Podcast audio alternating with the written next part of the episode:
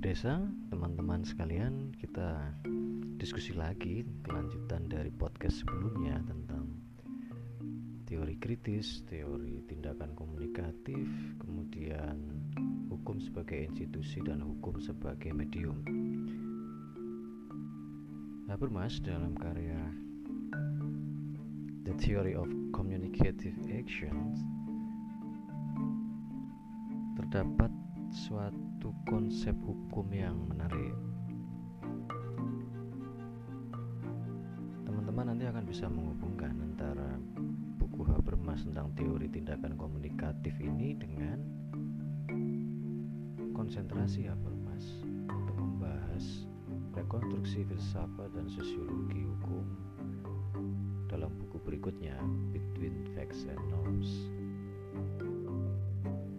apa yang dibahas oleh Habermas kali ini tidak begitu rumit sebenarnya tapi butuh kedalaman dan kesabaran, ketabahan untuk mengoreksi beberapa pandangan-pandangan bahwa hukum itu hanya membahas hal-hal yang normatif. Tema yang paling mudah untuk dipegang oleh kawan-kawan sekalian adalah memahami hukum itu terletak dalam konteks perdebatan. Sisi kiri itu fakta sisi kanan adalah legalitas. Bahasa lain dari legalitas adalah keabsahan normatif. Dalam podcast sebelumnya saya sudah mencoba menjelaskan ringkas bahwa Habermas punya perspektif hubungan hukum dengan moralitas. Bahwa hukum itu dikendalikan oleh satu struktur konsep yang bermoral itu akan menentukan yang benar secara hukum.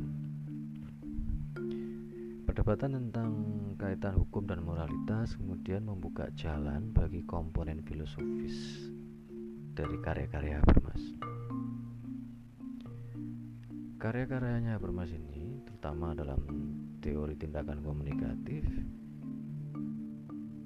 membuka jalan bagaimana masyarakat modern dapat mengamankan legitimasi legalitas.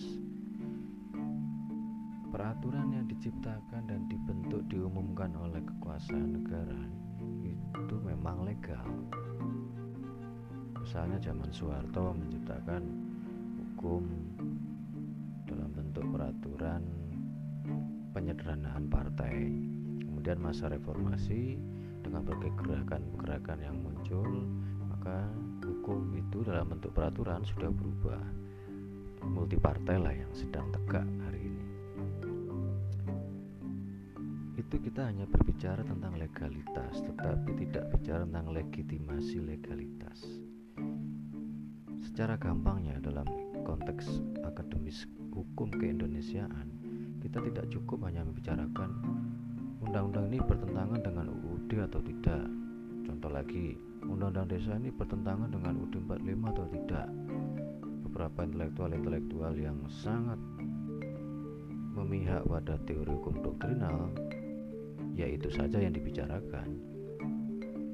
Kalau saya punya pendapat sendiri sebenarnya di luar Habermas kalau semua obrolan akademis hukum hanya sibuk membicarakan hierarki norma atau keabsahan norma lalu untuk apa otak ini diciptakan tema legitimasi legalitas ini perlu kita perkenalkan bahwa satu peraturan itu benar secara doktrin, secara asas hukum, tetapi belum tentu banyak masyarakat yang setuju. Sehingga pengakuan kemudian penghormatan dan pelaksanaannya terhadap, eh, peraturan itu di kondisi kemasyarakatan tentu tidak penuh. Habermas kemudian mengenalkan konsep hukum sebagai medium di mana hukum itu terbebas dari diskusi normatif.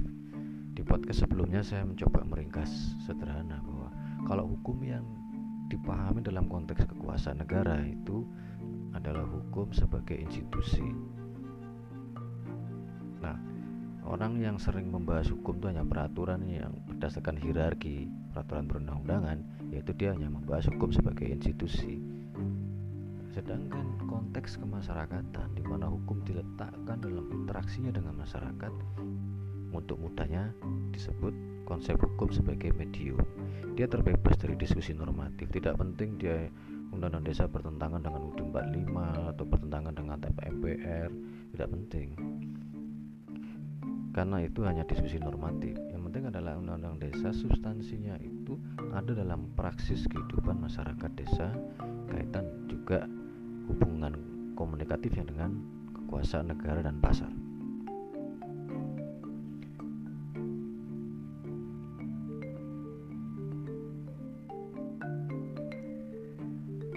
Hukum sebagai medium, di mana hukum itu diletakkan dalam kondisi interaksinya dengan masyarakat, ini berusaha menjawab pertanyaan-pertanyaan yang tidak mungkin memuaskan dijawab dalam konteks hukum sebagai institusi. Seperti saya tadi nyatakan bahwa mengapa PSBB begitu sulit dalam prakteknya di beberapa tempat itu tidak bisa dibahas hanya secara normatif Kenapa? Kalau dibahas sebagai normatif dalam konteks konsep hukum sebagai institusi, maka masyarakatlah yang salah. Masyarakat ini nggak nurut, masyarakat ini membangkang dan seterusnya dan seterusnya. Saya berbeda pendapat soal itu. Ini berarti aspek peraturannya tidak legitim. Kurang pengakuan, kurang titik temu dengan aspirasi-aspirasi dalam konteks kelompok-kelompok masyarakat yang bebas dari diskusi normatif itu diskusinya ya bisa aja psikis stres, tidak punya kerjaan, tidak punya pendapatan pasti, butuh uang cash dan sebagainya, butuh solidaritas dalam waktu singkat, sementara, dan kemudian sering diperhatikan oleh orang lain. Ini tidak terjawab oleh hukum sebagai institusi.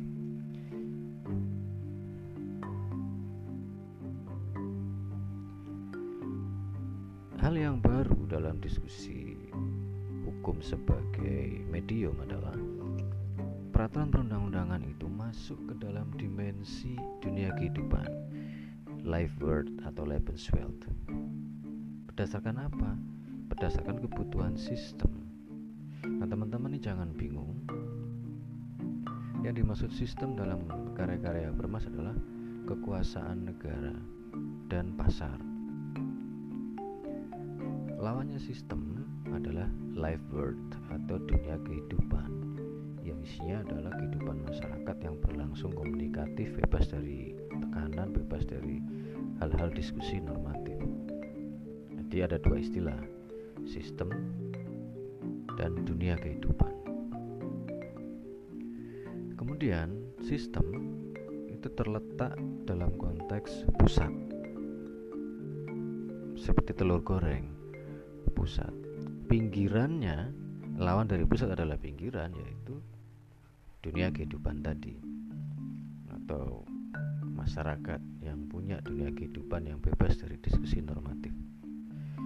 Nah, hubungan antara sistem terhadap dunia kehidupan, hubungan antara kekuasaan negara dan pasar terhadap dunia kehidupan masyarakat itu berjalan seperti hubungan kolonisasi jadi negara dan pasar bisa masuk ke dalam dunia kehidupan lewat peraturan hukumnya atau peraturan perundang-undangan.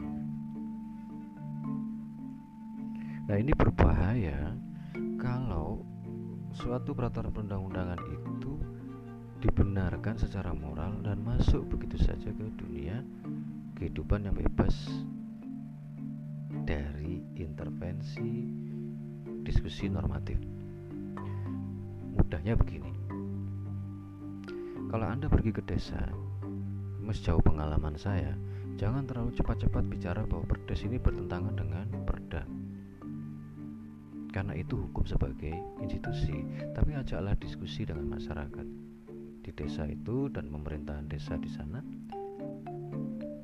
Apa makna kebebasan, kedaulatan desa, kewenangan hasil usul, kewenangan lokal berskala desa dan seterusnya bagi mereka? Diskusikan secara bebas. Contoh, merawat mata air purba itu tidak perlu ada aturan. Ada satu tumbuh tradisi, kultur, dan personalitas kolektif. Personalitas ini ya saya lupa belum menjelaskan cara manusia untuk bisa mengada dan dia bermanfaat bagi yang lain. Kira-kira mudahnya begitu. Nah, cara dia mengada untuk bisa bermanfaat bagi yang lain macam-macam. Kalau personalitasnya kolektif berarti dia merasa dia adalah satu bagian dari semua. Satu ditambah satu sama dengan satu. Saya dengan engkau tetap satu. Itu kira-kira makna eksistensialisme ketika dikaitkan dengan dunia kehidupan yang bebas di situ. Hukum sebagai medium akhirnya menempatkan dirinya untuk memahami bahwa silahkan berdiskusi secara bebas, merdeka bahkan di desa tidak perlu membawa uh, teori-teori ini bertentangan dengan undang-undang. Saya pernah saksikan di suatu musyawarah desa. Sibuk membicarakan itu, akhirnya yang lainnya melongo karena apa? Satu sisi ada yang berpendapat, oh ini ada aturannya, oh ini tidak. Itu tidak bermakna apa-apa karena yang dibahas itu bukan kesesuaian secara hierarki norma dengan menurut teori Hans Kelsen misalnya undang-undang dengan perdes, undang-undang dengan ini.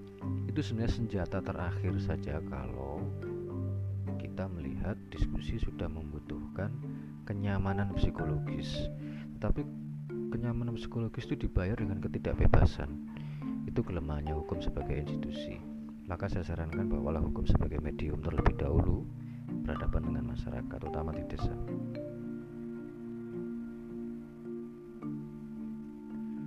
nah Konsekuensi secara intelektual adalah bagaimana teori hukum yang kita bangun di kampus, teori hukum yang kita bangun di masyarakat itu mengkonseptualisasikan hukum sepenuhnya sebagai institusi dunia kehidupan. Anda belajar hukum tidak perlu lagi hanya berorientasi pada peraturan, perjanjian kontrak itu. Enggak. Tapi konsentrasilah pada institusi dunia kehidupan yang mereka alami tradisi yang sedang berlangsung di antara orang-orang yang bermain di bisnis e-commerce. Saya merasa bebas kalau saya bisa memasarkan barang milik saya sendiri. Apa yang bisa dipahami dari tradisi dunia kehidupan di mana pelaku marketplace itu merasa teraktualisasi, merasa dia bebas, terbebas dari semua himpitan? Kalau dia sudah berbuat menyajikan produk-produk, memberi fasilitasi terhadap beberapa bumdesa atau organisasi dagang di lokal desa bertemu dengan produk-produk dari desa-desa lain.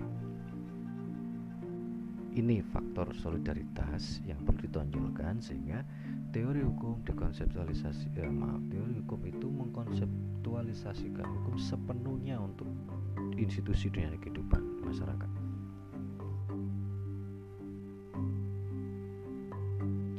nah sekarang kita membahas buku Facts and Norms antara fakta dan keabsahan normatif. Di mana pun anda kuliah di mana pun anda diskusi selalu bertemu dengan ketegangan-ketegangan antara fakta dan norma-norma.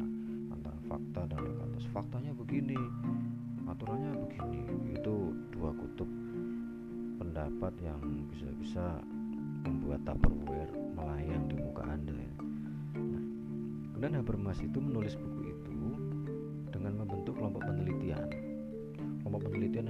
anggotanya berbagai filsuf beberapa filsuf hukum, sosiolog hukum, ahli hukum dalam berbagai mazhab mereka yang sudah menulis tentang peran hukum dalam masyarakat modern. Ternyata setelah dia meneliti bertahun-tahun sampai 9 tahun 90-an lah baru terbit, konseptualisasi itu menghasilkan begini. Hukum sangat terkait dengan moralitas. Norma-norma moral dan hukum yang dalam institusi dunia kehidupan itu berorientasi pada penyelesaian masalah. Masalah apa? Integrasi sosial di dunia kehidupan. Jadi hukum itu uh, sangat fokus bagaimana antara pemerintahan desa misalnya dengan warga desa itu menyatu eh, pemerintahan desa dan masyarakat desa itu menyatu. Bagaimana antar warga Kristiani yang punya tradisi sendiri di sebuah desa atau di perkampungan mana pun dengan pemerintahan itu bisa tersatukan. Itulah fokus hukum bukan pada aspek penyusunan bahasa hukum secara teknis. Ini tidak aduh tidak apa ya, tidak ada suatu kepentingan untuk membuat hal-hal yang teknokratik dan teknis terhadap masyarakat.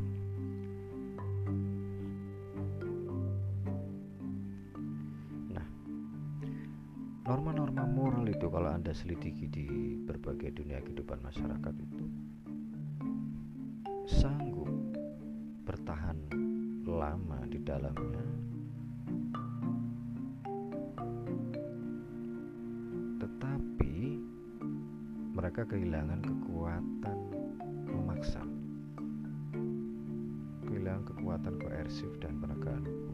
contohnya begini. Ada norma yang berlangsung di dalam masyarakat itu kalau orang sakit dia akan dipisahkan dengan sendirinya. Tetapi dia tetap diasup dengan berbagai bantuan.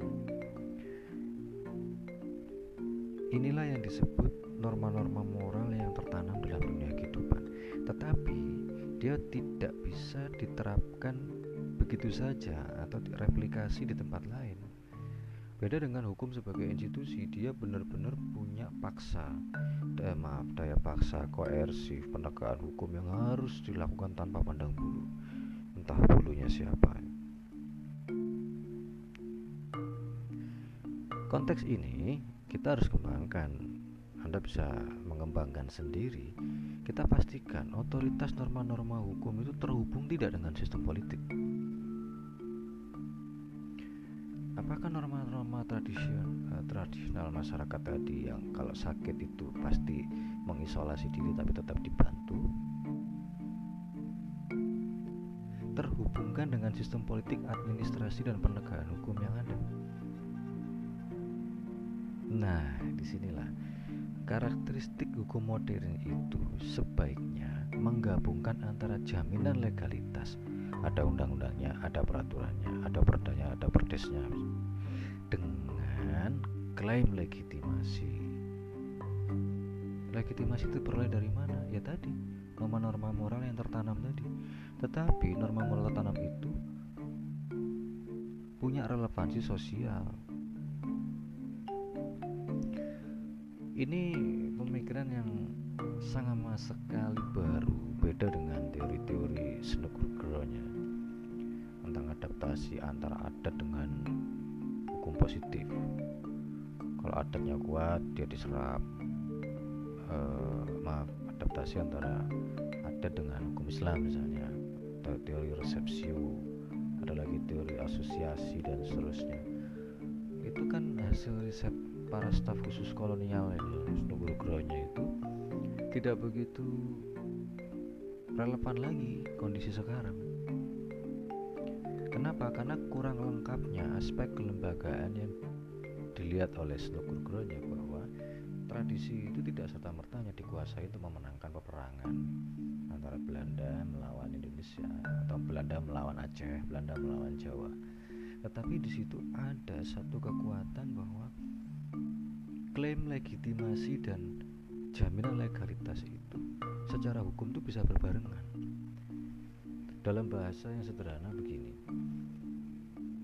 Profesor Sutandja uh, Profesor Sutandja Wigna Subroto sosiolog hukum di Indonesia Fakultas Hukum UNER eh maaf dari Universitas Erlangga. Dia menyarankan kalau Anda meneliti itu koeksistensi antara hukum doktrinal dengan sosiologi hukum bareng saja. Tapi mulailah dari sosiologi dulu. Bukan mulai dari masalah hukum yang doktrinal itu benar secara logis kalau hanya membahas doktrin asas hukumnya apa. Tetapi tidak ada begitu banyak uh, ketajaman untuk melihat hukum yang legitim itu hanya diperoleh dalam dunia kehidupan masyarakat. Kalau anda membuat skripsi tesis dan disertasi atau penelitian jangan pakai judul begini. Demokrasi lokal desa dalam perspektif Undang-Undang nomor 6 tahun 2014 tentang desa itu pasti doktrinal banyak mahasiswa atau bahkan mungkin beberapa dosen ya sekedar memudahkan saja itu cepat lulus. Tetapi sebenarnya itu tidak bermakna apa-apa. Yang menarik saya ini hukum di desa sebagai medium integrasi sosial antara masyarakat adat dengan masyarakat pendatang.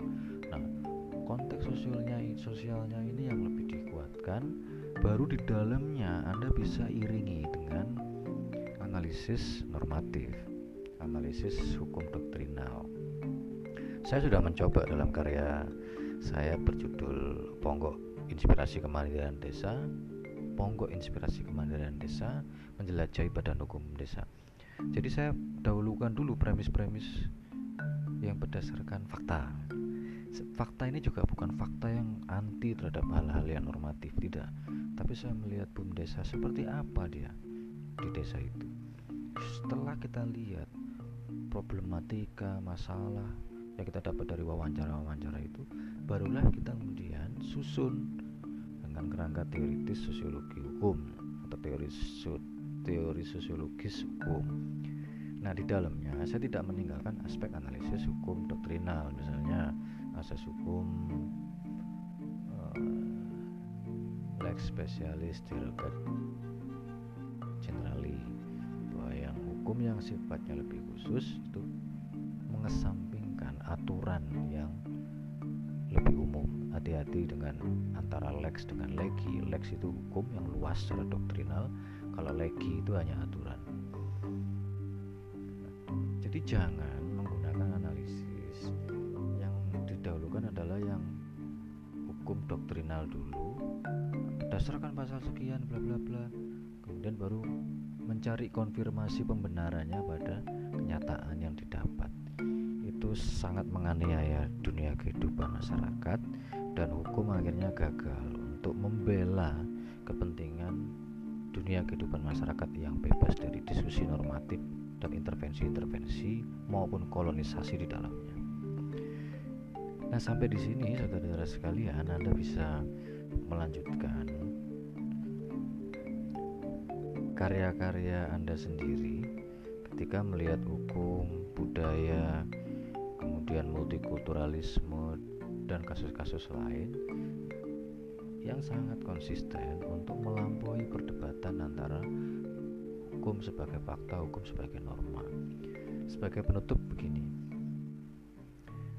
saya tidak begitu terlalu tertarik untuk memperdebatkan mana yang lebih unggul hukum yang sifatnya normatif doktrinal dan mana hukum yang uh, dikuatkan dengan teori-teori sosial. Saya lebih memilih bahwa kedalamannya itu diperoleh dari hukum sebagai institusi dan hukum sebagai medium. Di sini penghampiran diskursusnya tidak lepas dari filsafat dan sosiologi hukum. Kalau hanya memperdebatkan hukum doktrin yang diajarkan di fakultas hukum maupun mazhab hukum progresif yang kuat dengan aspek sosial teori sosialnya yang lebih baik di antara dua itu itu tidak akan pernah berhasil masuk pada konteks perbincangan epistemologi. Jadi kaidah-kaidah hukum yang dibahas akan dirasa lebih jitu padahal dia lebih tidak lebih jitu juga dibanding penelitian sosiologis. Tapi penelitian uh, maksudnya begini orang yang paham pasal A diterapkan kepada kasus B dengan asas hukum C itu seperti orang main catur. Yuridis denken kata Profesor Standil yang ngerti ya yang main catur saja yang aturan hukum itu ibaratnya papan catur itu. Kasus itu juga dalam konteks permainan catur Sosiologis juga sama. Penelitian sosiologis hukum itu hanya mengandalkan fakta tapi meremehkan juga aspek norma. Padahal belum tentu penelitian sosiologis itu benar-benar akan menguatkan dunia kehidupan desa supaya mampu melancarkan opini-opini publik yang kritis, yang lebih bisa menegakkan kedaulatan hidupnya. Kadang-kadang penelitian sosiologis hukum pun akan lebih memihak pada kekuasaan negara dan pasar. Uang lebih kuat pengaruhnya. Bahkan secara politik, oh ini elit politik, uh, elit capture yang lebih dominan. Ini hanya uang yang dikucurkan bantuan hanya menguntungkan orang-orang yang bermain di wilayah hubungan antar elit saja. Lalu pertanyaannya, lalu masyarakat bisa apa kalau udah begitu? Nah, kita harus melihat kelemahan-kelemahan ini kenapa? Karena tidak ada kaitan langsung dengan perbincangan filsafat dan sosiologi hukum secara utuh. Saya ingin meringkasnya untuk penelitian yang lebih dalam. Yang pertama, Anda harus memahami, saya juga akan juga sama-sama memahami ada tiga aliran besar sampai kapan pun ada diskusi ini tidak akan berubah sama selama 200 tahun terakhir. Bahkan mungkin 300 tahun terakhir. Yang pertama realisme hukum. Anda akan menemui model-model obrolan hukum itu yang fakta nomor satu. Aturan tidak penting. Yang kedua hermeneutik hukum. Aturan yang lebih tinggi dalam bahasa-bahasa hukum yang termaktub di dalamnya akan menentukan aturan-aturan hukum di bawahnya. Hans Kelsen misalnya dengan teori hukum murni hard antara yang primer dan sekunder dan seterusnya dan seterusnya. Kalau yang aliran pertama tadi realisme hukum ya contohnya hukum hanya untuk merekayasa sosial. Hukum sebagai perekayasaan sosial masyarakat. Yang menentukan siapa? Ya kekuasaan negara dan pasar juga dua-duanya ini tidak cukup. Nah kita coba melihat alternatif yang ketiga. Tadi kita bicara realisme hermeneutik. Nah ini ada juga yang hukum yang menurut saya deliberatif. Hukum yang benar-benar mengkonseptualisasikan hukumnya itu pada interaksi dengan masyarakat. Tetapi berpegang bahwa hukum yang di masyarakat itu beraspek komunikatif bebaskan dari diskusi normatif. Kalau penelitian susunlah pertanyaan-pertanyaan tentang hubungan-hubungan sosiologis dan antropologis misalnya di dalam konteks riset. Berikutnya barulah dilihat kaitan melihat analisis norma. Oh ini asas hukumnya asas meta kaitannya kewenangan befukhid wewenang befukhid dan seterusnya. Lalu asas hukumnya uh, apa uh, kaitan hukumnya perilaku. Perintah larangan dispensasi izin. Ini kan kalau orang dihafal saja ya orang menghafal itu mudah. Tapi sebenarnya kalau dilihat itu adalah logika dialektis yang sangat megah dalam filsafat Aristotelian maupun Hegel. Dia akan muncul dalam kesadaran sejarah kita, tetapi belum tentu hasil olahan analisis hukum itu yang sangat dialektis ala Hegel atau Aristotelian misalnya tentang perintah peraturan itu tidak serta-merta langsung muncul dalam kenyataan. Mungkin tercatat dalam sejarah peraturan, tetapi belum tentu hadir legitim masyarakat itu sendiri. Baik guys, teman-teman, semua diskusi kali ini memang tidak lepas dari ada yang menerima, ada yang menolak. Yang saya harapkan adalah ya mari kita saling belajar saja. Bagaimana kita memaknai filsafat dan sosiologi hukum itu dalam penghampiran baru di teori diskursus hukum. Untuk sesi berikutnya saya tidak langsung akan membuat podcast tentang teori diskursus hukum itu sendiri menurut Habermas tapi silakan teman-teman juga bisa melihat uh, nanti siaran podcast saya kaitan dengan buku Ponggo Desa Ponggo Inspirasi Kemandirian Desa Menjelajahi Badan Hukum Desa. Buku itu akan banyak mengembangkan teori diskursus hukum Habermas dengan riset di sebuah desa tetapi diperluas pada konteks konseptualisasi hukum yang bisa menempatkan dirinya secara total pada komunikasi dan interaksi masyarakat lalu diluaskan sebagai opini publik bahwa desa bisa juga mengeluarkan pendapat-pendapat yang rasional dan kekuasaan negara diandaikan, diidealkan untuk merespon pandangan-pandangan dari desa tersebut. Oke, terima kasih. Salam berdesa.